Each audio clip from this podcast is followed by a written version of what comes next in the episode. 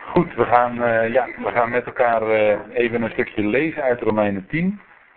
En uh, dat zal vanavond zullen we niet verder komen dan vers 4 vat ik. En ik eerst met u dan lezen die versen 1 tot en met 3 van Romeinen 10.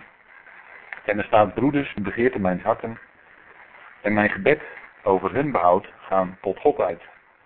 Want ik getuig van hen dat zij ijver voor God hebben, maar zonder verstand. Want onbekend met Gods gerechtigheid en trachtend hun eigen gerechtigheid te doen gelden, hebben zij zich aan de gerechtigheid Gods niet onderworpen. Tot zover.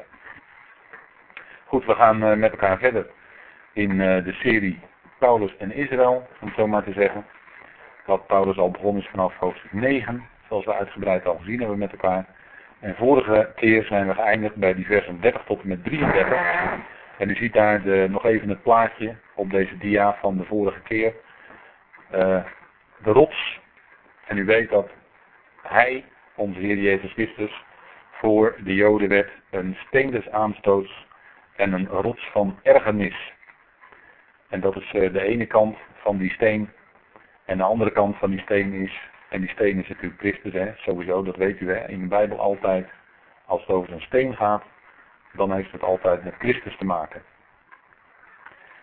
Dat bleek ook uh, afgelopen zondag, hè, toen het even ging over de strijd tegen Amalek. En toen ging Mozes zitten op een steen. En hij had dus ondersteuning daarbij. Nou, die steen dat was natuurlijk een beeld of een type van de Christus. Uiteraard. Nou, maar voor Israël werd hij tot een steen des aanstoots, een rots van ergernis. En een tekst die we ook wel vaker met elkaar hebben aangehaald is, de steen die de bouwlieden hebben afgekeurd, is tot een hoofd geworden, tot een hoeksteen geworden. En in feite hebben zij, die bouwlieden, en die bouwlieden is een beeld van het volk Israël, want bouwen is in het Hebreeuws, of in het Hebreeuws is het woord bouwen, bana, daarvan is afgeleid het woord zoon, dus de zoon is ook de bouwer. Ben. En ben is afgeleid van bana, dat betekent bouwen. Dus de zoon is ook de bouwer. He, moet u nooit vergeten, als u het woord zoon leest, dan is het niet alleen de erfgenaam en de lotgenieter, maar dan is het ook tegelijkertijd de bouwer. Zie Hebreeën 3. Ik geef maar een verwijzing erbij. Maar hier in uh, Romeinen 9 haalt Paulus Jezaja aan, wat hij wel vaak doet. En hij citeert dan en hij zegt, ja, dat is een steen des aanstoots, een rots van ergernis. En er omheen, om deze tekst heen, staan ook de redenen waarom dat zo is. Want die gerechtigheid, die kan ook alleen maar komen van deze steen. Die gerechtigheid is er als je je huis inderdaad bouwt op de rots.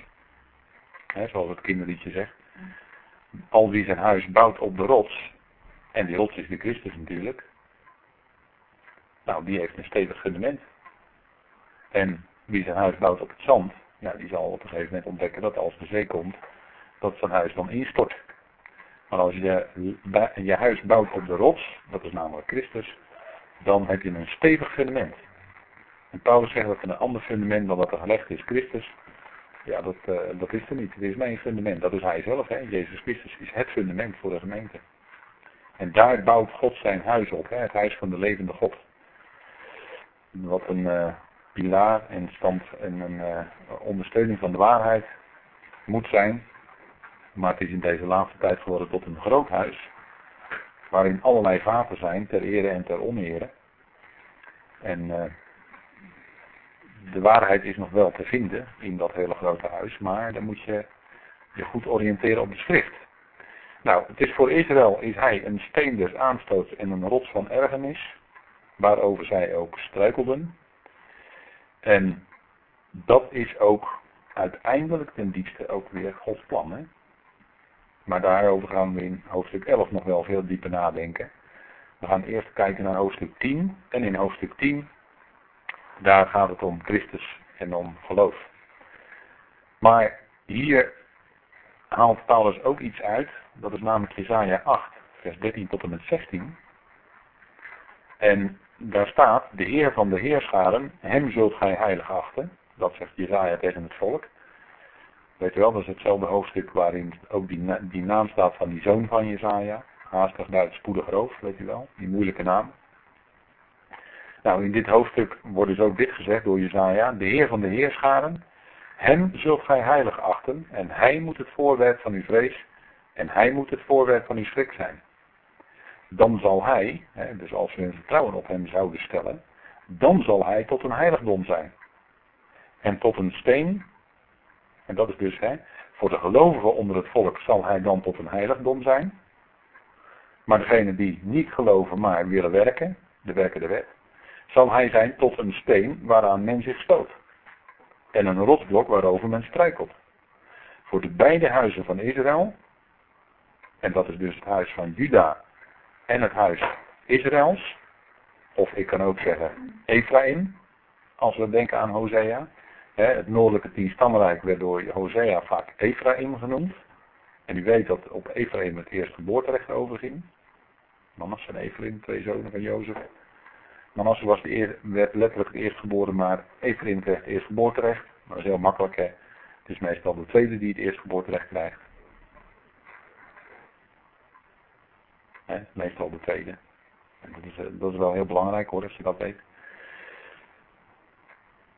Ephraim, dat was dus de tweede zoon van Jozef, maar die kreeg het eerstgeboorterecht. En het noordelijke tienstammenrijk werd ook Ephraim genoemd. Ephraim betekent ook dubbele vrucht. He, er zit het woord pri in, dat betekent vruchtbaar of vrucht.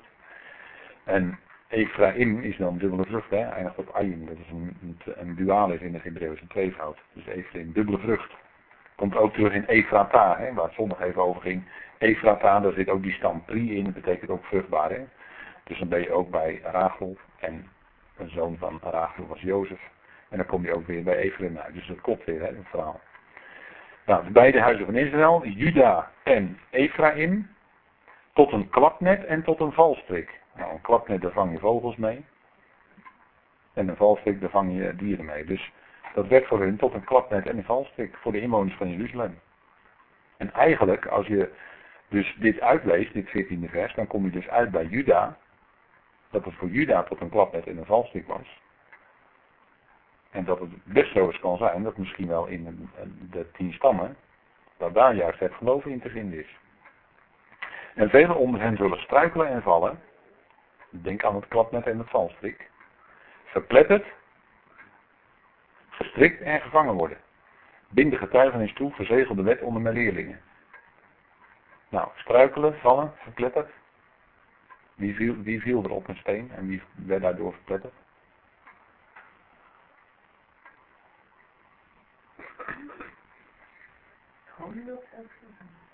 Nee, die kreeg een steen in zijn hoofd. Dat was wat anders. Dat was ook wel een steen. Nou, op zich, ja, op zich is dat wel... Uh... Uh, Ja. Ja. Nee, die werd gesteend. Nee, maar wie viel er voor over en wie viel op een steen? Te plekken. Ja. Dat was, ik denk Ja, Judas. Viel achterover. Judas. Ja, Judas. Judas. Judas, de, de naam zegt het al. Juda en dan een S erachter. Snap je? Juda en dan een S erachter. Dus de twee stammen. Maar Judas, die viel en die viel op die steen en dat werd dus verplettering. Staat hier, hè? Ja, ja, maar dat viel op de steen. Hij viel. Hij viel.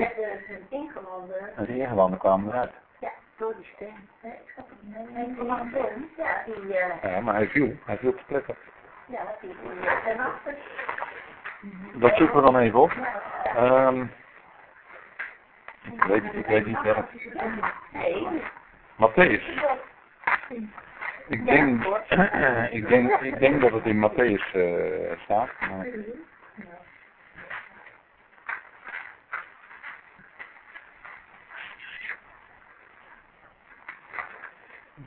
Even kijken.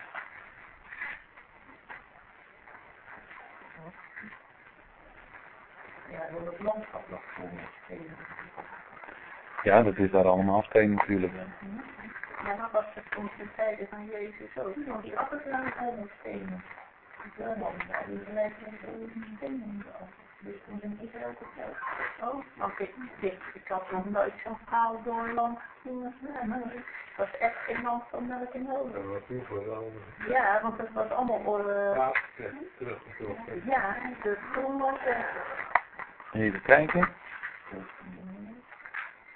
Ja, Matthäus 27. Tot Matthäus.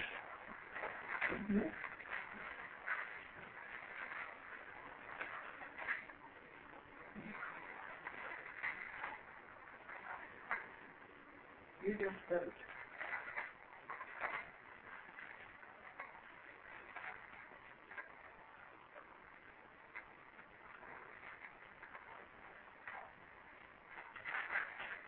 Eh, het moet ergens anders.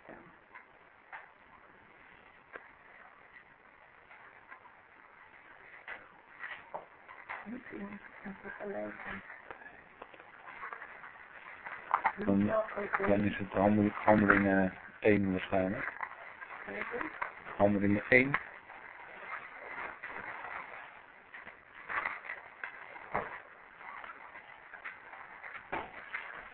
Ja.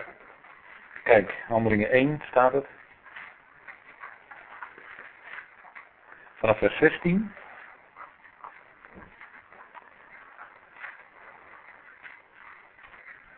Er staat, mannenbroeders, het schriftwoord moest in vervulling gaan dat de Heilige Geest voorheen bij monden van David gesproken heeft aangaande Judas, die de gids is geweest van hen die Jezus gevangen namen. Want er werd toch ons getal gerekend en had aandeel aan deze bediening gekregen.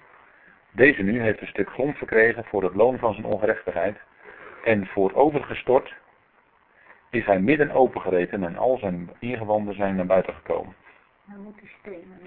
En het bekend is geworden aan alle die Jeruzalem wonen, zodat het stuk land in een eigen taal Akkodama, dat we zeggen bloedgrond heet.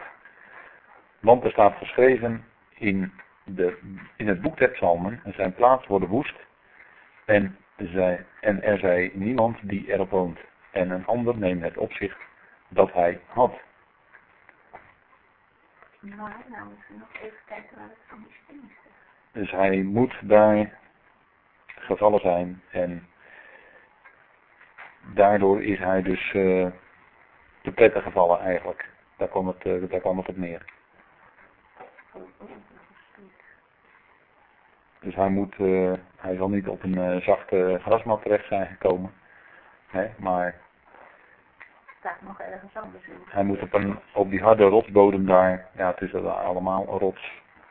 Maar goed, dat eh, zullen we dan nog even verder nazoeken. Maar in ieder geval is hij gevallen. En is hij eh, ja, te gevallen in feite. Hè? Nou, en dat, die bodem daar, dat is eh, doorgaans rotsachtige bodem. Dus vandaar hè, dat, wat daar ook staat in dat 15e vers, velen zullen struikelen en vallen, verpletterd. En dat gebeurt daar in Israël, want daar is heel veel rotsachtige bodem, in ieder geval harde rotsbodem. Dat val je te pletteren. En het, eh, ieder die daar geweest is, die weet dat. Hè, dat daar eh, heel veel stenen liggen en het eh, rotsbodem is.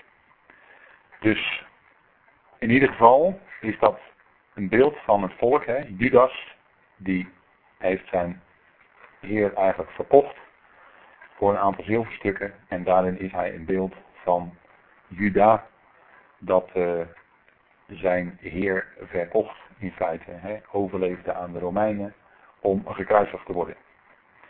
Dus dat, eh, dat is in ieder geval die steen die voor hen tot een aanstoot is geworden. En de bouwlieden keurden die steen af. Die hebben die steen verworpen, zegt de Heer Jezus in die gelijkenis. Nou, dan gaan we naar, eh, door naar Romeinen 10, want daar gaat het vanavond dan over. Daar beginnen we vanavond aan. Romeinen 10, en dan gaat het om die eerste verse. Waar gaat het om in Romeinen 10? Als ik dat aan nu vraag, waar gaat het om in Romeinen 10?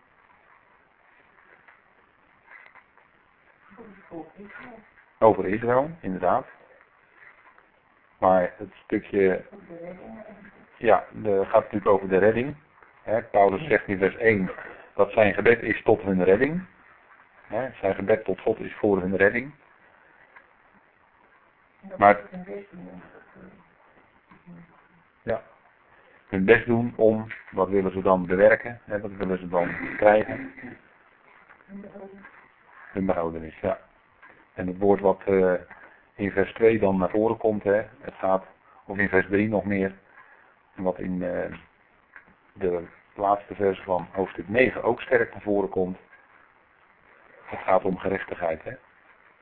En dan om het volgende, gerechtigheid of rechtvaardiging door geloof. En dan zijn we eigenlijk weer terug in Romeinen 1.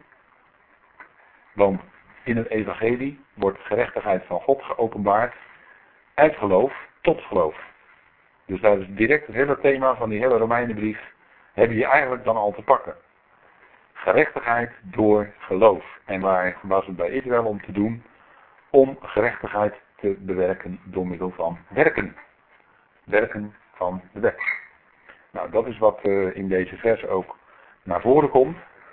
En dat is het grote verschil. En dat is wat ook het verschil is tussen in het algemeen, maar daar ga ik vanavond wel dieper op in, in het algemeen religie en God en, en uh, religie en uh, het leren kennen van de Heer, hè, dus het leren kennen van Hem, van God. Dat is het grote verschil. Geloof of werken. Hè, je kunt die twee niet met elkaar vermengen. Geloof is het principe van de genade en werken is het principe van dat je loon naar werken krijgt. Dus dat je het zelf kan verdienen. Nou, bij geloof kun je het zelf niet verdienen.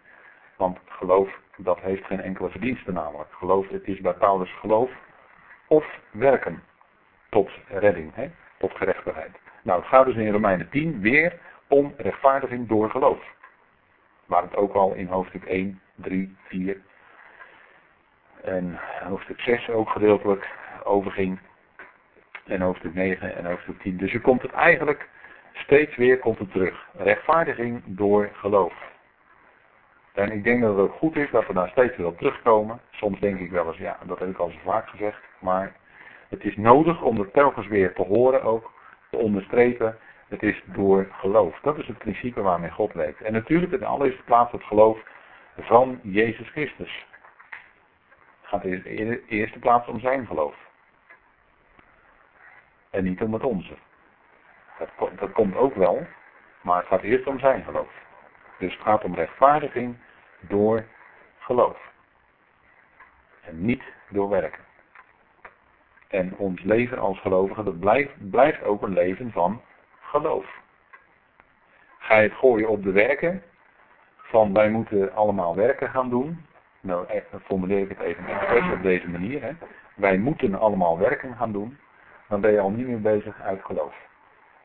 En dan ben je ook niet meer bezig met de genade. Want genade en werken sluiten elkaar uit. Bewijs, Romein 11 vers 6. Als het uit de werken is, dan is het geen genade, zegt Paulus. En als het uit genade is, is het niet uit de werken. Klaar uit. Paulus is gewoon helder hoor, dat zeg ik al vaker. Paulus is glashelder. Alleen wij mengen dan onze eigen gedachten door wat Paulus zegt heen. Ja, en dan wordt het een beetje grijs. Maar Paulus is gewoon helder. Paulus is gewoon, een, eh, die zet je een bril op die gewoon glashelder is. Maar als we onze eigen adem erbij doen, ja, dan, weet je, dan wordt die bril beslagen. Dan zie je het niet zo scherp meer allemaal. Maar het punt is om die bril steeds scherp te houden. De schrift te bekijken, inderdaad, door de bril van Paulus. Ja, dat is belangrijk. Anders kom je er niet. Dan kom je in verwarring. Dan ga je de zaken met elkaar verwarren. Nou, rechtvaardiging door geloof is het, hè? Daar draait het om in Romeinen 10. Twee wegen tot gerechtigheid. Die worden daar door Paulus geschetst. Hè? De ene is de weg van de werken. En tussen haakjes bij Israël dan van de wet. Maar religie in het algemeen baseert zich op werken. Hè? Kijk, wat men tegenwoordig, uh, of wat men dan altijd zegt, van uh, die is van dat geloof en die is van dat geloof, dan bedoelt men eigenlijk religie als je vraagt aan iemand, ja gelooft u? En, iemand zegt, ja ik ben van die en die richting, of ik hoor daarbij. Dat is, dat is A een ontwijkend antwoord en B hoor je dan al gelijk dat het draait om de werken. En als je je gewoon vraagt, geloof je? Ja, ik ben een gelovige, ja. Hoe, hoezo dan? Nou, ik geloof Gods woord, ik geloof wat God zegt. Nou, oké, ja, prima. Ja, dan ben je gelovige. Maar dan ga je ook niet op werken baseren. Want dan weet je dat het allemaal door hem is bewerkt. Dus twee wegen tot gerechtigheid. Nou, die ene is een, is een doodlopende weg, hè. Dat, dat is ook, ja, dat is echt zoals ik het zeg, een doodlopende weg. Dat is de weg van de werken. want die brengt geen leven. De Torah zei, doe dat en gij zult leven. Verwijsplaats, Leviticus 18 vers 5. Vandaar dat die wetgeleerde die bij de Heer Jezus komt vraagt, wat moet ik doen om eonisch leven te, te verkrijgen? En, en wat, eh, wat krijgt hij dan voor antwoord? Nou, wat staat er in de wet? Hoe lees je? Nou ja, dit en dit en dat. Ja, dat heb ik van mijn jeugd allemaal. Ja, ja, wacht even. Heer Jezus had ontbreekt je één ding. En dat was zijn rijkdom. Hij zegt, verkoop alles wat je hebt. En dat zat hem in de weg. Nou, andere, maar dat, dat, is, uh, dat is dan de bekende geschiedenis van de barmhartige Samaritaan. En dan denkt iedereen dat het daar gaat om de naaste, maar die hele geschiedenis daar in Lucas 10, die gaat niet om de naaste, maar het gaat om, wat moet ik doen om een ionisch leven te verkrijgen? Om die vraag gaat het. En dan gaat het over God liefhebben boven alles en de naaste als jezelf. Hè? Dat is dan de kern van de Torah. Nou, zegt de Heer tegen hem, doe dat, dan ga je zo leven. En dan stelt die wetgeleerde, die ontwijkt dat. En die zegt dan, ja, wie is dan mijn naaste? God liefhebben boven alles en naast als jezelf. En in dat antwoord, hè, wat die wetgeleerde dan geeft, wie is dan mijn naaste, zie je dus dat die aandacht al een klein beetje van God dus weer afgewend wordt. God liefhebben boven alles en de naaste. Dus de vraag gaat dan over de naaste. Wie is dan de naaste? Nou, dan vertelde de Heer dat dat dus die Samaritaan is. die, langs, die, die, man die langs de kant van de weg lag. Die was er aangevallen. En toen kwam een barmhartige Samaritaan. En dan zegt de Heer, ja, die naaste van die man die langs de kant van de weg lag, dat is die Samaritaan. En dat is eigenlijk feitelijk de Heer zelf. Hè? En dan eindigt de Heer met, nou, doe jij even zo. Dat moet je dan doen. Wat moet je dan doen volgens die gelijkenis? Want waar ging, die, waar, waar ging het om? De naaste, het ging toch om die naaste... Ja, het ging om de naaste liefhebben. Dus wat moest de, dus de Heer zei, doe, doe gij desgelijks. Waar gaat het dan om? Nou, het liefhebben van de Heer, daar gaat het dan om. Dus niet het doen van werken. Maar wat moet ik doen? Nou, die Heer liefhebben. Dus hem geloven, zeg maar. daar komt het dan op neer. Dus nou, goed, dat even terzijde. Dus dan zie je dus in zo'n gesprek dat, dat die wetgeleerde ook heel erg gefocust was op wat moet ik doen, dus werken. Dat is typisch een vraag voor zo'n wetgeleerde, voor een Joodse wetgeleerde. Hè. Wat moet ik doen? En dan ontdekt hij, uit wat de Heer dan vertelt, dat hij zelf helemaal niks kon doen, maar dat hij afhankelijk is van die barmhartige Samaritaan. En daar, daar stond die wetgeleerde mee te praten, met die Samaritaan.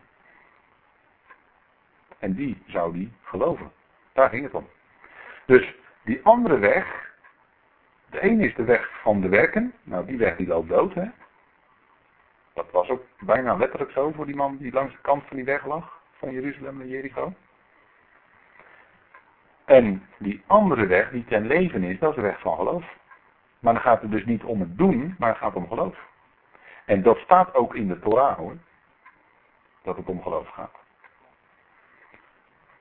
Alleen, men, had, men was zich helemaal gaan focussen op die werken.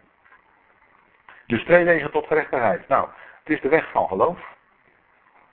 Waar stond er van dat in de Torah dat het om geloof gaat? Daar komen we nog op in hoofdstuk 10. Maar ik denk volgende week, de volgende keer pas. Paulus bidt voor zijn volk. Kijk, zijn volk, dat uh, bidt bij de klaagmuur. Hè, de orthodoxe joden, die zijn heel ijverig. Die doen heel veel. Die spreken heel veel gebeden uit. En Paulus bidt voor zijn volk. Paulus is bewogen over dat volk, want hij zegt mijn gebed over zijn behoud gaat tot God uit. dus Paulus is betrokken bij zijn volk. Dat volk, dat zag hij verharden. En hij was natuurlijk een uitnemend kenner van de schriften. En de Heer had hem ook al heel veel laten zien, dat blijkt ook uit deze hoofdstukken. En toch is Paulus dan als gelovig mens bij dat volk betrokken en hij bidt voor dat volk. Terwijl hij best weet hoe het zit hoor, Paulus. Maar toch bidt hij voor zijn volk uit bewogenheid. Hij zag dat ze verharden. Hij zag dat ze ja, die weg tot behoud niet gingen. Ze bleven in die weg van die werken. Dus daarom bidt hij voor dat volk. Hè. Hij had een bewogen hart voor dat volk. Nou, vandaar dat gebed, hè, tot God, die, intense beden. Nou, dat zegt Romeinen 10 vers 1. Hè. Hier is iets meer nauwkeurig vertaald naar het, naar grondtekst. Inderdaad, broeders, het welbehagen van mijn hart, hè, er staat Eudokia, het welbehagen van mijn hart en de smeekbeden zelfs. Hè, er, staat een, er staat een heel sterk woord. Een smeekbeden. Het gaat niet hier alleen om gewoon gebed, nee, het is een smeking. Voor hen, tot God. En dat is voor hun redding. Hè? Toch, hè, dat is die bewogenheid van de apostel. Die, die betrokken is bij zijn volk. En het is voor hun redding. Hij, hij, hij bidt voor hun behoud, voor hun redding. Terwijl Paulus best weet hoe het zit. Toch die bewogenheid, toch dat gebed voor hun redding. Nou, dat is bijzonder. En Paulus zegt er in de aanhef, dat is het eerste woord, want dan wil ik toch niet overslaan. Broeders, zegt hij, hè? Broeders, de begeerte mijn harten. Wie zijn dan die broeders? Oh, wie zijn die broeders? Welke broeders heeft hij dan over? Dat is even de vraag hè, die wij dan hier even stellen. Wie zijn dan die broeders van? Niet die joden, niet die eigen joden. Nee, nee. Ik denk dat medegelovigen, die in Ja, ja, medegelovigen in Christus Jezus. De broeders in Christus Jezus, daar, daar zegt hij dit tegen. En hij, hij laat dus zien wat in zijn hart is. Dus het gaat hier om zijn medegelovigen.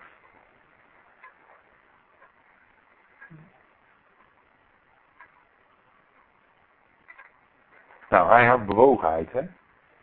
Het begeerte mijn hart, dus het welbehagen van mijn hart. Dat staat er eigenlijk. Het welbehagen van mijn hart. Dus het was bij Paulus een echte hartezaak. Hij was met hart en ziel bij dat volk betrokken. He? Dus hij was daarover bewogen. Nou, die bewogenheid zien we ook bij de Heer over Jeruzalem. Als hij vlak voor zijn dood Jeruzalem ziet, en dan zegt hij, Jeruzalem, hoe vaak heb ik jullie willen bijeen vergaderen zoals een hen haar kuikens maar jullie hebben niet gewild. Matthäus 23. En dan spreekt hij ook over het gericht, hè, de ernst van het gericht. Zie, jullie huis worden woest gelaten. Er zal verwoesting komen. En dat gebeurde in, in, bij Titus in het jaar 70. Die verwoesting die kwam ook. Er zal geen steen op steen gelaten worden, zei de Heer. Dat werd letterlijk vervuld. En dat was niet de uiteindelijke, nee, de uiteindelijke vervulling krijgen we nog. Want zijn nu weer dezelfde omstandigheden. Het volk is weer in Israël. Er zijn weer Joden die ernstig met hun godsdienst bezig zijn, met het judaïsme bezig zijn, in Jeruzalem onder andere. Maar, er is geen geloof. Er is geen geloof. Er zijn wel Messias gelovige Joden, maar dat is een zeer kleine minderheid. En nu heb je dus dezelfde omstandigheden als we binnenkort een verbond gaan sluiten. Waarvan uh, gezegd wordt in de profeten dat het een verbond is met de dood. Als we dat verbond gaan sluiten, dan zal Daniel 9 in vervulling gaan. En dan zal het verwoest worden. En Zacharia zegt dat ook. Dan wordt Jeruzalem uiteindelijk wordt verwoest. En daarna wordt Babel verwoest. Wat dan de hoofdstad van de wereld zal zijn. Hè? Of de, vandaar dat is dan de wereldheerschappij. Maar het zal straks uitlopen op de verwoesting van Jeruzalem. Daniel 9, lees het maar aan. Nou, de Heer is bewogen over zijn volk. Jullie hebben niet gewild. Zij stoten zich aan de steen des aanstoten. Het was voor hun een rots van ergernis. Het was voor hun een struikelblok, een scandalom. Dus die bewogenheid van de Heer over zijn volk. Jezus weende over Jeruzalem. Lees het maar na, Lucas 19. Hij was daarover bewogen. Zo, zo zie je ook die tranen eigenlijk van de apostel, diezelfde tranen, diezelfde bewogenheid zie je over zijn volk.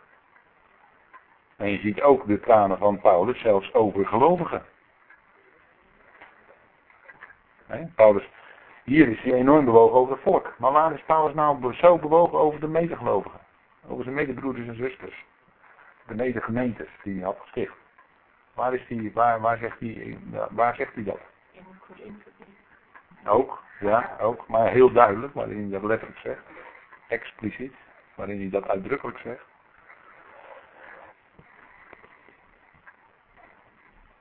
Ik zeg het tegen jullie en ik zeg het ook wenende, zegt hij dan. dat er velen zijn die wandelen als vijanden van, van het kruis. Ja, Filippenzen 3 hè. En dan zegt Paulus het dus wenende hè. Er was bewogen over die medegeloof. Het deed hem zoveel verdriet. Dat er vele waren die wandelden als vijanden van het kruis. En dan denken wij, misschien wel, dat vijanden van het kruis, uh, diegenen zijn die, uh, en dat is ook wel zo, degenen zijn die uh, leven naar het vlees. En als we het dan hebben over leven, leven naar het vlees, ja, dan kan je er alles bij, dan kan je er allerlei mogelijke dingen bij invullen. Maar het is ook, want vlees heeft natuurlijk meerdere kanten. Maar waar ik denk dat Paulus ook heel erg verdriet had over degene die wandelden naar het vlees en dan vroom vlees. Die meende eigen werken in rekening te kunnen brengen bij de Heer. Ook al waren gelovigen die door Paulus geroepen waren. Maar die terugzakken in een, een, een, een soort wettisch-achtig leven. En die menen dan door werken iets te kunnen bewerken voor hem. Nou, daar haalt Paulus in Filippenzen 3 een dikke streep doorheen hoor. Hij zegt niet mijn eigen gerechtigheid, hè. Maar de gerechtigheid van geloof. En het geloof van Christus. Nou, laten we het even met elkaar opzoeken. Filippenzen 3. Dan zien we die bewogenheid van de apostel over medegelovigen.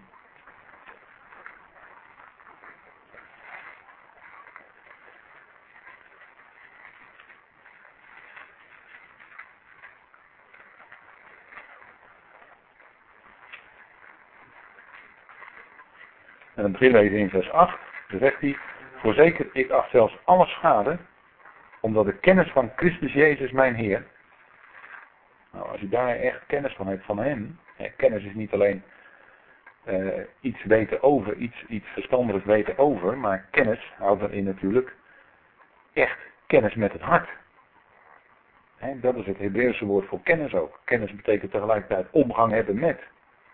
Het Hebreeuwse woord daad. Hè. Kennis betekent omgang hebben met. Kennis van Christus Jezus mijn Heer. Dat alles te boven gaat. Om zijn wil heb ik dit alles prijsgegeven. En houdt het voor vuilnis. Dus al zijn eigen gerechtigheid hè, heeft hij dan over. Zijn hele opvoeding, zijn hele judaïsme en noem alles maar op. Al die gerechtigheid van de werken. Opdat de Christus mogen winnen en in hem mogen blijken niet een eigen gerechtigheid, ziet u het hier? Niet een eigen gerechtigheid uit de wet te bezitten. Maar de gerechtigheid door het geloof en dan staat er van Christus.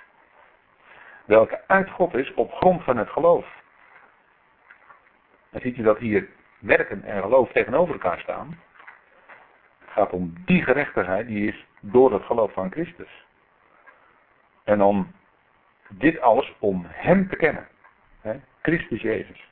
En de kracht van zijn opstanding en de gemeenschap van zijn lijden of ik aan zijn dood gelijkvormig worden zou mogen komen tot de uitopstanding uit de doden.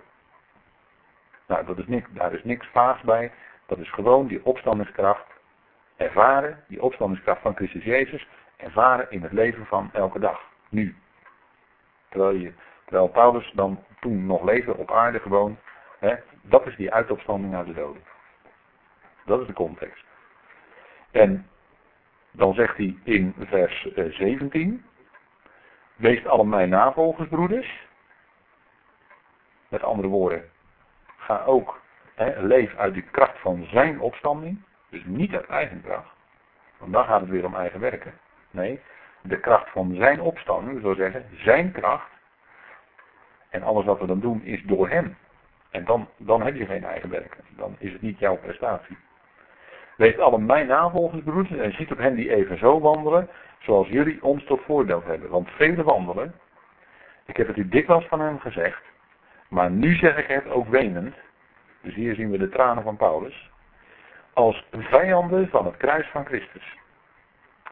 Hun einde is het verderf, hun God is de buik, hun eer stellen ze in hun schande, ze zijn aardsgezind. En wanneer ben je aardsgezind ook? Nou, als je het gewoon verwacht van je eigen werken. Of je verwacht het van je eigen organisatie voor mijn part. Of wat dan ook dat door mensen is opgebouwd. Als je daarvan verwacht, ben je gewoon aardsgezind, ben je gewoon werelds bezig. Nou, dan ben je tegelijkertijd een vijand van het kruis van Christus. Want het kruis, dat is een aanstoot. Hè? De aanstoot van het kruis is, Galaten 5, is dat een mens niets, maar dan ook echt helemaal niets van zichzelf in rekening kan brengen. Niet voordat hij tot geloof is gekomen en ook niet daarna. Dat is de uitwerking, dat is de werking van het kruis. En dat is voor velen een aanstoot, vandaag de dag. Die proberen door eigen werken, eigen religiositeit, of wat dan ook, door organisaties, of noem maar op, hoe je het maar noemen, is allemaal vlees. Maar het gaat alleen maar om leven en wandelen door de kracht van de opstanding van Christus. Zijn kracht. Daar gaat het om. En al het andere, dat is gewoon, daar maakt het kruis een einde aan. En dat gaat heel diep inderdaad. Dat is een einde van de oude mens namelijk. Het kruis maakt een einde aan de oude mens. En daarna is alleen nog die nieuwe mens, in Christus Jezus, die wandelt en leeft door de kracht van hem. Nou, en dat is het enige wat echt voor God werkelijk vrucht kan geven. En dan is het ook door zijn geest gewerkt. En niet door eigen kracht, door eigen vlees. Dus daar overweent Paulus hè, dat hij velen ziet die wandelen als vijanden van het kruis van Christus. En dat is ook een merkwaardige uitdrukking eigenlijk. Hè? Het is niet het kruis van Jezus, maar hier gaat het om het kruis van Christus. Hij die gekruisigd is en tegelijkertijd nu de opgestaan. Hè? Want hij spreekt over Christus, spreekt over de opgestaan hier. Dus hij verwijst tegelijkertijd in die uitdrukking naar de opstanding. Even, even scherp lezen, hè? met elkaar. Nou, dus het gaat om de kracht van zijn opstanding. Dus dat betekent, dan ben je inderdaad voorbij het kruis, maar niet uh, zomaar voorbij het kruis. Je kunt er niet aan voorbij lopen. Nee, die oude mens is aan dat kruis namelijk met Christus gestorven en begraven. Dat is Romeinen 6. En dan zetten we een paar stappen terug. Romeinen 6. Dus dat maakt gewoon een einde aan de eigen rechtigheid van de mens. Want die is voor God van geen waarde.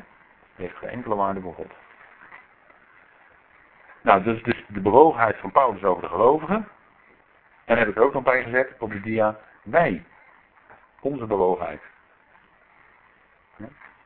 Nou, ik denk dat als wij dus Paulus navolgen, dat we met Paulus bewogen zijn over de dingen waar Paulus ook over bewogen was. Over de verlorenheid van zijn volk. En daarom is ons gebed tot voor dat volk.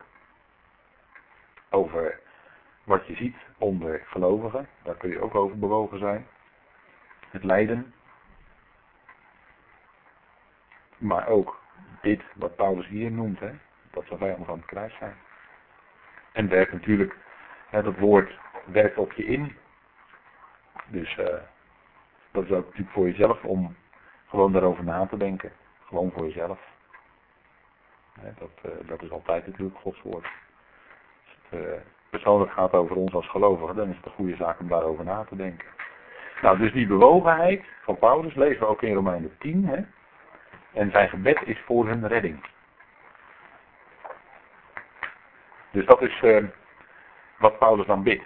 Nou, hij zegt het welbehagen, het, de eudokia, hè, zei ik er net al. De welbehagen is eudokia in het. Van mijn hart. Dan ziet u links een letterlijk hart van de mens. Als plaatje afgebeeld.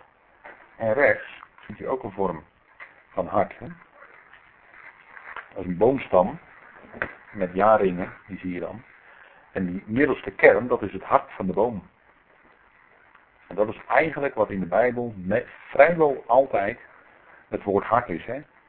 Het woord, als het gaat over het hart van de mens in de Bijbel, dan wordt dat uh, meestal als een uh, stijlfiguur gebruikt voor de binnenste kern van de mens. De innerlijke kern van de mens. Het centrum van de mens. Van waaruit hij leeft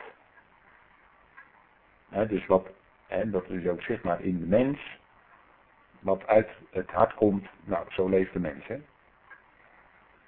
En, die, en dat hart van de mens is de kern. Nou, hier zien we dan het hart van de boomstam. En dat letterlijke hart, de bloedpomp. En die zit ook midden in een mens. Dus uh, op zich is het letterlijk ook wel waar. Hoewel, ja, niet helemaal, maar het is wel uh, in ieder geval de kern van de mens. Waar het leven doorheen stroomt. Hè? Want bloed in de Bijbel, staat voor het leven. Bloed staat voor het leven. Als een mens te veel bloedverlies heeft, dan verliest hij ook zijn leven. dan kan hij niet meer leven. Dan, is het gebeurd.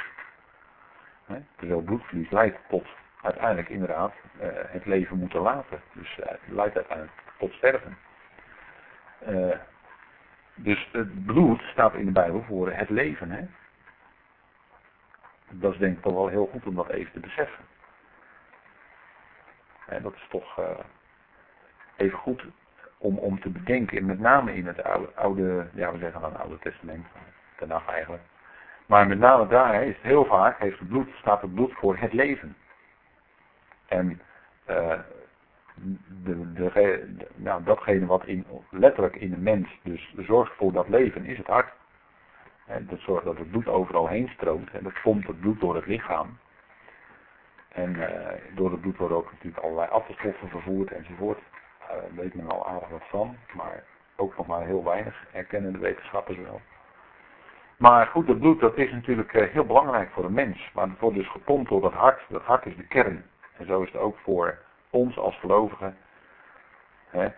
Het gaat erom wat in het hart zit. En, het, en met het hart wordt ook heel sterk verbonden de gedachten van de mens. Een mens heeft overleggingen en gedachten van het hart. Dus wat in gedachten leeft bij een mens, dat is in feite zou je kunnen zeggen de, de beleving, ook het leven van de mens. Kijk, wij kijken aan de buitenkant tegen de mens aan, maar dan kennen wij niet, vaak niet het gedachtenleven van een mens.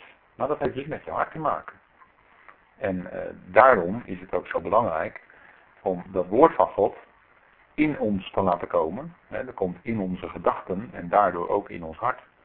En dan kunnen we ook, als het in ons hart is, dat woord van God overdenken. Hè, dat, dat wordt dan het voorwerp van ons denken, van onze gedachten. En dat is, uh, dat is ook wat het woord dan uitwerkt. Hè? Dat, dat, nou, dan loop ik een beetje vooruit naar Romeinen 12. De vernieuwing van ons denken. Dat is niet zomaar even wat uh, 1, 2, 3 hupsakee gebeurt. Maar dat is iets wat over een langere tijd gebeurt. En de vernieuwing van ons denken gebeurt door het woord. Als je Gods woord niet in je laat komen, dan wordt je denken ook niet vernieuwd. Dat is gewoon een wetmatigheid. En als je die, dat woord wel in je laat komen, en je, je geeft het de ruimte ook in je gedachten, je denkt erover na, je bent ermee bezig, je bidt, dan, uh, dan gaat het echt iets in je bewerken, dan gaat het iets in je uitwerken, dan gaat het je gedachten vernieuwen, gaat het je gedachten veranderen. En dan ga je heel anders aankijken tegen de dingen. Ik denk dat wij als gelovigen totaal anders tegen vrijwel alle dingen aankijken dan ongelovigen. Dat maakt gewoon een heel groot verschil. Kijk, we zijn gewoon net zulke mensen als ongelovigen en we zijn op zich niks beter. Daar gaat het niet om. En we doen een heleboel dezelfde dingen. We werken, we eten, we slapen, noem maar op. We fietsen. Je kan zo gek niet, we kijken televisie, noem maar op. Dat doet de ongelovige ook. Het zijn allemaal dezelfde dingen. Alleen ons denken en de manier, of hoe wij tegen de dingen aankijken, hoe we over die dingen denken en vooral hoe wij het verleden en de toekomst zien, ja, dat zijn totaal anders dan die ongelovigen. Totaal, maar dan ook totaal anders. Echt 100% anders. En dat is natuurlijk het grote verschil. Dat is ook, heeft te maken met de vernieuwing van ons denken, hè? de vernieuwing van ons innerlijk. Dat is wat Gods woord in ons bewerkt. En daarom, uh, ja, dan is het gewoon fijn als je, je daar uh, tijd voor reserveert om daarmee bezig te zijn. Nou, Paulus welbehagen van zijn hart. Zijn hart wat totaal vernieuwd was geworden sinds Damascus. Of eh, de reis naar Damascus. Bij Paulus was het ook gebeurd. Die, die schreef het natuurlijk uit volle ervaring. De vernieuwing van het denken. Nou, de welbehagen van het hart leidde er bij Paulus toe dat hij bewogen was met het volk. Dat hij bewogen was met andere gelovigen. En met die wereld om zich heen. Dat hij in Athene kwam, werd hij geprikkeld. Zag hij een altaar voor de onbekende, of een sokkel voor de onbekende God.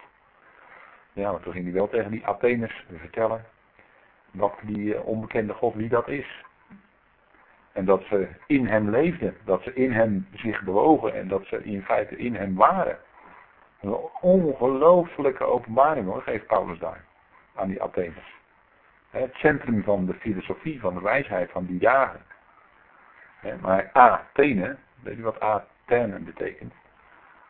Dat betekent eigenlijk gewoon dat, dat het omvalt. Dat er, eh, geen, pla geen plaats betekent letterlijk.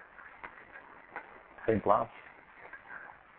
Dus het valt eigenlijk eh, zeggen, hè, het is wel, het was in die tijd wel de plaats van de filosofie, maar eigenlijk stelde het niks voor.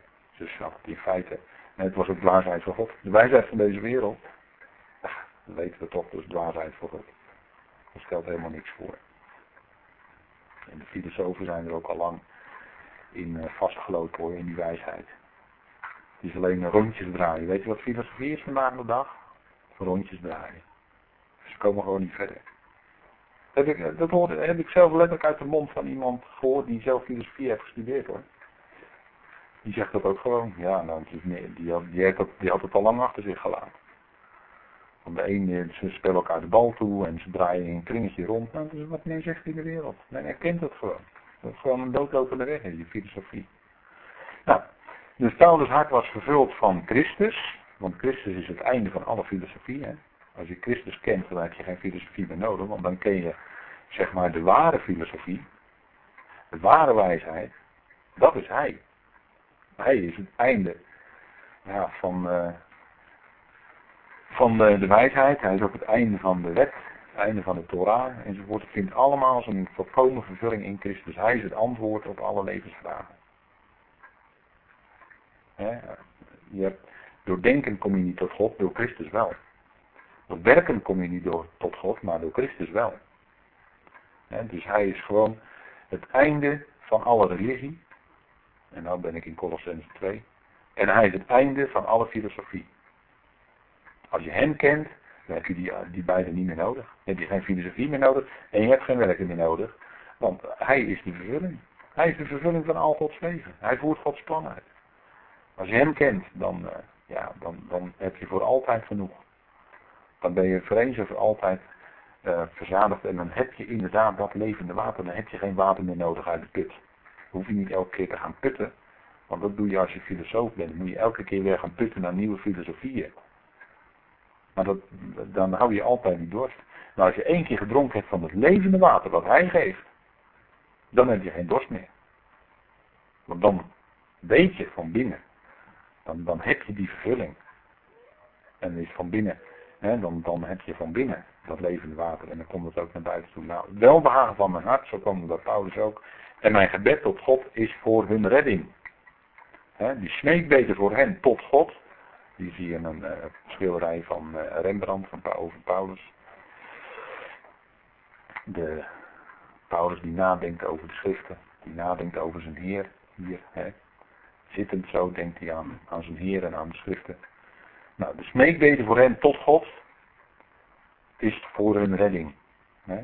Voor hun redding. Uh, wacht even, voor hun redding. Hij bidt voor hun redding. Ja, maar wacht even. Paulus zegt toch ook dat God de is van alle mensen? Ja, zeker. Zeker. Paulus wist dat heel goed. Dat God de is van alle mensen. Nou en of Paulus dat wist. We hebben Romeinen 5 al lang gehad hoor. Eén daad van gerechtigheid is voor alle mensen tot rechtvaardiging ten leven. Dat is Romeinen 5. Hebben we al lang gehad. God is de redder van alle mensen. Nou, als je dat heel diep beseft als gelovige, ja, dat is natuurlijk geweldig.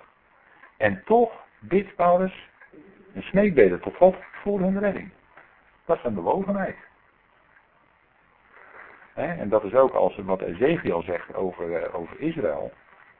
Er zijn zat beloftes dat God met zijn volk tot zijn doel gaat komen. Maar hij zal het zich wel laten afsmeken. Staat in Ezekiel, gebed. Dat is een noodzakelijk onderdeel in Gods plan. Want God wil omgang met de mens hebben. God wil omgang met ons. Daarvoor heeft hij alles bewerkt door zijn zoon. Om in relatie te komen met ons. Dat heeft hij door Christus bewerkt.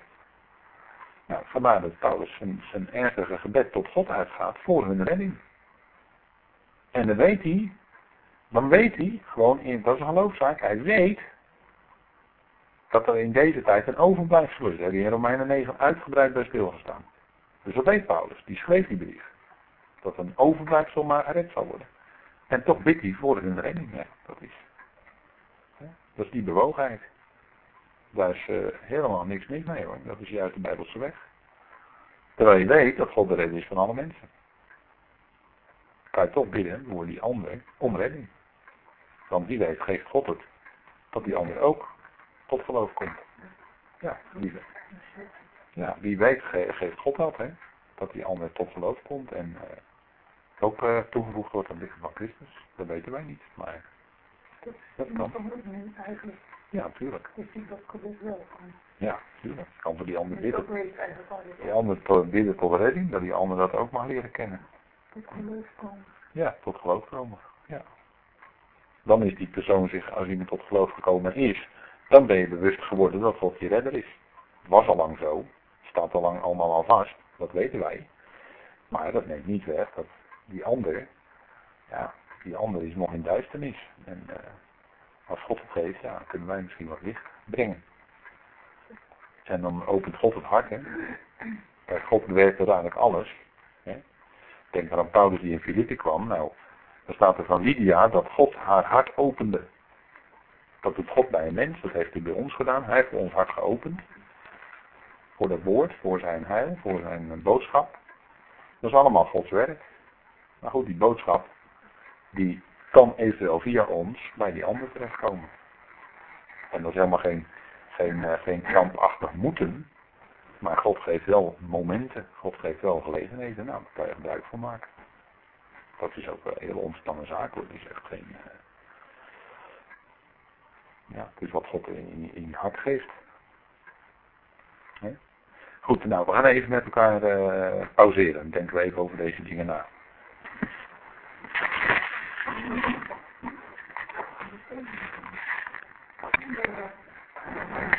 Goed, wij, eh, wij zagen dat eh, Paulus bidt voor zijn volk. En dat doet hij vanuit zijn hart. Omdat zijn hart bewogen is met dat volk. En ik denk ook dat als je, ja, je hart geraakt is door het evangelie. Het, eh, dan heb ik het wel over het eh, Paulinische evangelie. Dan eh, heb je ook een hart voor alle mensen, denk ik. In de zin van, zou je graag wel willen dat alle mensen nu zouden gaan geloven. Dat is niet zo. Hè. Geloof is nu niet voor allen. Maar je zou het wel willen. Je zou het mensen wel willen ingieten. En dat kan je niet. Dat, dat gaat gewoon niet. En God is ook niet, in deze tijd worden niet alle mensen gered. Maar God is wel de redder van alle mensen uiteindelijk. Maar dat is dan door de stappen heen die hij zet. Maar goed, ehm, dus zijn gebed is tot hun redding. Nou, dan zien we dat Israël dus eigenlijk, hè, als je het even op een rijtje zet, drie fouten maakte. Dat is wat Paulus constateert. En waarover hij ook verdriet heeft, hè, waarover zijn hartsbewogenheid ook is. Is vanuit die bewogenheid schrijft hij al die dingen. Nou, ze zien niet dat hun gekozen weg doodloopt. Wat ik al net zei. Hè. De weg van de werken van de wet tot gerechtigheid is een doodlopende weg. En ze zien niet dat de weg van geloof geopend was. Die was eigenlijk al veel langer open. Wisten ze ook uit het Torah. Abraham geloofde God en werd hem tot gerechtigheid gerekend. Eerste boek. En dat hebben ze al die tijd bij zich gehad, Israël. Daar staat het gewoon in. Weg van geloof. Ja, en we hebben nog niet zo lang geleden stilgestaan bij Habakkuk. In uh, de zomerperiode in Maren hebben we uitgebreid aan de hand van Habakkuk.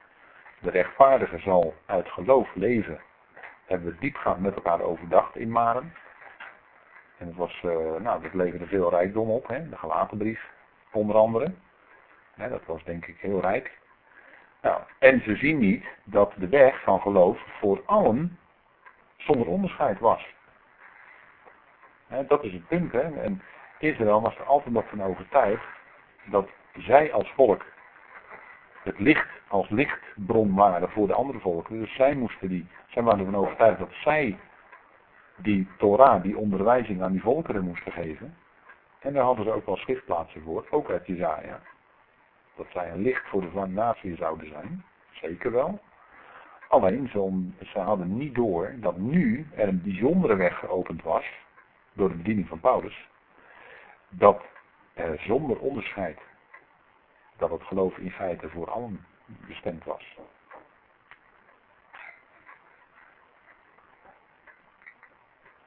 Kijk, dat volk, dat heeft een enorme ijver. Dat zien we ook vandaag, hè. En dit zagen wij ook toen wij in Israël waren bij de klaagmuur. Hè, bij de bar mitzwa. Ja, dat is niet heel bijzonders als je daartussen staat. Om dat te zien en te beleven en te, horen allemaal. Dus echt, uh, dan leren die, uh, hebben ze geleerd om die, dat Hebreeuws te lezen. En toch, en toch is het een ijver. Een bepaalde ijver. Het is een bepaalde ijver tot God. En op een of andere manier spreek je dat aan. En toch, als je Paulus erbij houdt, dan zie je toch dat Paulus daar doorheen kijkt. Door God geleid uiteraard. Want dat zegt hij ook in vers 2, waarom aan 10. Want ik getuig tot hen dat zij ijver voor God hebben. En dan komt het. Maar niet in overeenstemming met erkenning. Het is niet in overeenstemming met de epignosis. Dus de, letterlijk, heel letterlijk, de opkennis, of de bovenkennis. De erkenning. Dat is wat, wat, ja, wat Nederlands, echt Nederlands woord ervoor. Erkenning. Erkenning gaat ook dieper dan alleen kennis nemen van bepaalde feiten. Als je iets erkent, dan zeg je daar van binnen ook ja tegen. In je hart zeg je daar ja tegen. Dat is erkenning. Dan, begrijp je het ook, dan versta je het, dan heb je het door. Dan doorzie je het. En dat is wat Israël mist. Tot op vandaag de dag. Ze hebben een ijver voor God, inderdaad, voor een deel, hè, want het grootste deel van de mensen die nu in Israël wonen, als het Israëlieten zijn, dan zijn het seculiere Israëlieten, om het zo maar te zeggen. En je hebt een klein deel, dat zijn dan de orthodoxen, die vind je vooral in Jeruzalem. De orthodoxen, de, de, de Hasidische, in zwart gekleed met hoeden op en uh, noem alles maar op. Nou, maar die hebben een ijver tot God, die hebben een ijver voor God. Maar als je met ze zou spreken over dat de Messias Jezus is, nou dan kan je de stenen naar je hoofd krijgen. Dat meen ik serieus, dat, dat zou je letterlijk kunnen krijgen daar.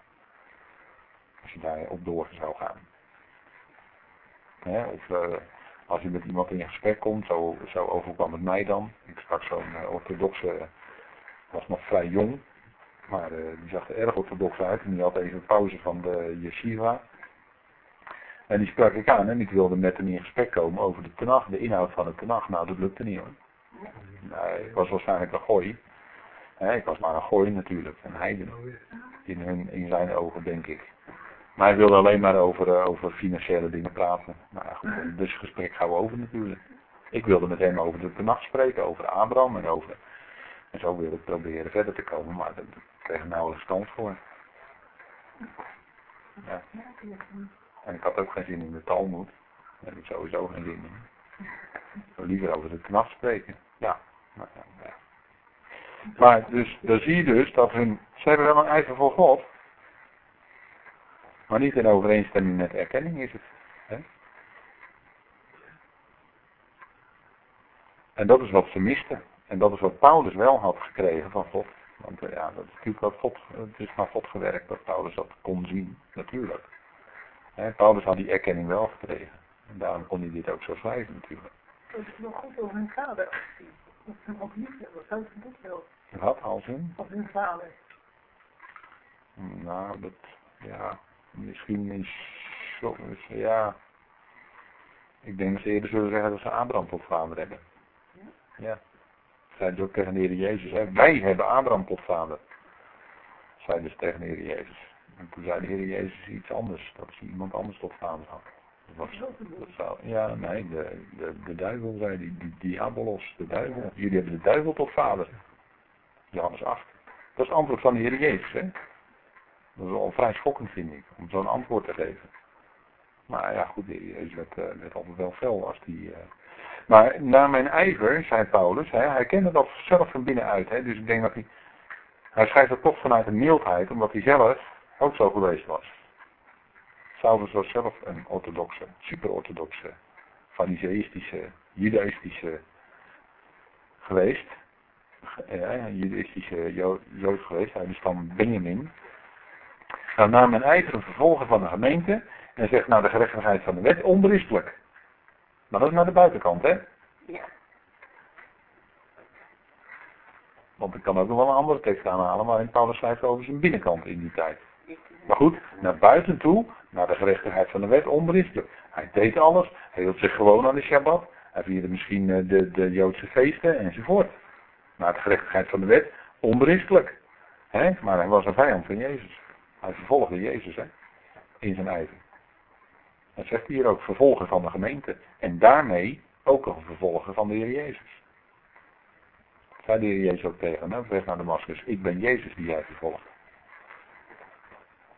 Nou, dat was duidelijk. Dat was gelijk. Maar hij was naar de gerechtigheid van de wet onberispelijk. En in een andere tekst zegt hij in Galaten 1 vers 14. Hè, en in het Jodendom heb ik het verder gebracht dan velen van mijn tijdgenoten onder mijn volk als hartstochtelijk ijveraar voor mijn voorvaderlijke overleveringen. Dat was zijn ijver. Nee, hier weer een uh, schilderij van Rembrandt. Paulus. Met natuurlijk de schriften voor zich. Ja, dat kon het niet anders. Maar hij zegt dus hoe, hoe ver hij daarin was gegaan. In het judaïsme. Ja? Hartstochtelijk ijveraar voor mijn voorvaderlijke overleving. Dus als hij over de Joden zegt dat ze een ijver tot God hebben, ja, dan wist hij zelf alles van. Want zo was hij zelf vroeger ook geweest. Ja. Ja, ja, zeker. Ja, ja, ja. ja. Die, zijn, die, die zijn heel erg bezig met wetsbetrachting.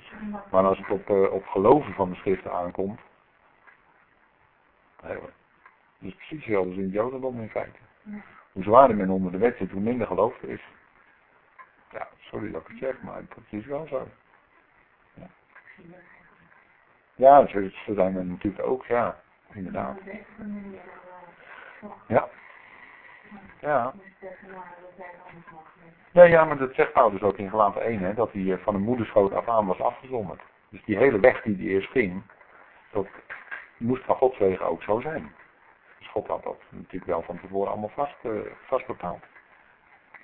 Nou, en uh, in Handelingen 22, hè, daar zegt hij, en hier zien we dan een schilderij van Rembrandt, uh, Paulus en Petrus met elkaar in gesprek. Ik denk dat Petrus heel veel van Paulus nog kon leren. Een ijveraar voor God, evenals jullie allen heden zijn. Hè, zei hij daar tegen die, in zijn toespraak tegen de Joden. In Jeruzalem. En de ijveraar voor God. Dus dat was Paulus geweest. Dat erkende hij zelf. Nou, zij hebben nu een ijver tot God, hè. Dus, maar het is niet in overeenstemming met erkenning. Ze erkenden niet om wie die schriften in feite draaiden. En dat de wet een schaduw heeft van de toekomende goederen. De wet is een schaduw. Maar het volle licht, ja, dat is bij Christus. Dat is die erkenning die ze nodig hadden. Als ze hem zouden erkennen, ja, dan zouden ze ineens gaan zien van wie al die schriften spraken en spreken. Nou, dat is, dat is wat Paulus bij zijn volk ziet. Hè? En kijk, religie, om wel even heel duidelijk te zeggen, religie heeft geen waarde voor God. Luther was heel religieus, hij ging op zijn knieën de Sint-Pieter op, maar het hielp allemaal niks. Het hielp allemaal niks. En hier ook. En je ziet hier religie, links uh, in een kerk en rechts uh, in een hindoe-tempel. Dat is allemaal religie. Allemaal dingen om te proberen dichter bij God te komen. Nou, dat lukt je niet. Je komt geen millimeter verder. De religie heeft gewoon geen waarde voor God. Heel veel mensen zijn vandaag religieus. Die doen allerlei dingen. Maar dat heeft geen waarde. En het ontbreekt aan waar het werkelijk om gaat. Om, hij ontbreekt. De Heer Jezus Christus ontbreekt. En dan heb je ineens helemaal geen religie meer nodig als je hem kent. En hij zegt nou, maar niet in overeenstemming met erkenning. Het draait allemaal om hem. Dat ze hem gaan erkennen. En ook eh, vandaag aan de dag komen we ook zo bij de klaagmuur. Maar het is, uh, voor velen is het niet met erkenning. Want, zegt Paulus, onwetend zijn van de gerechtigheid van God. Je even kijken wat hij hier zegt, hè.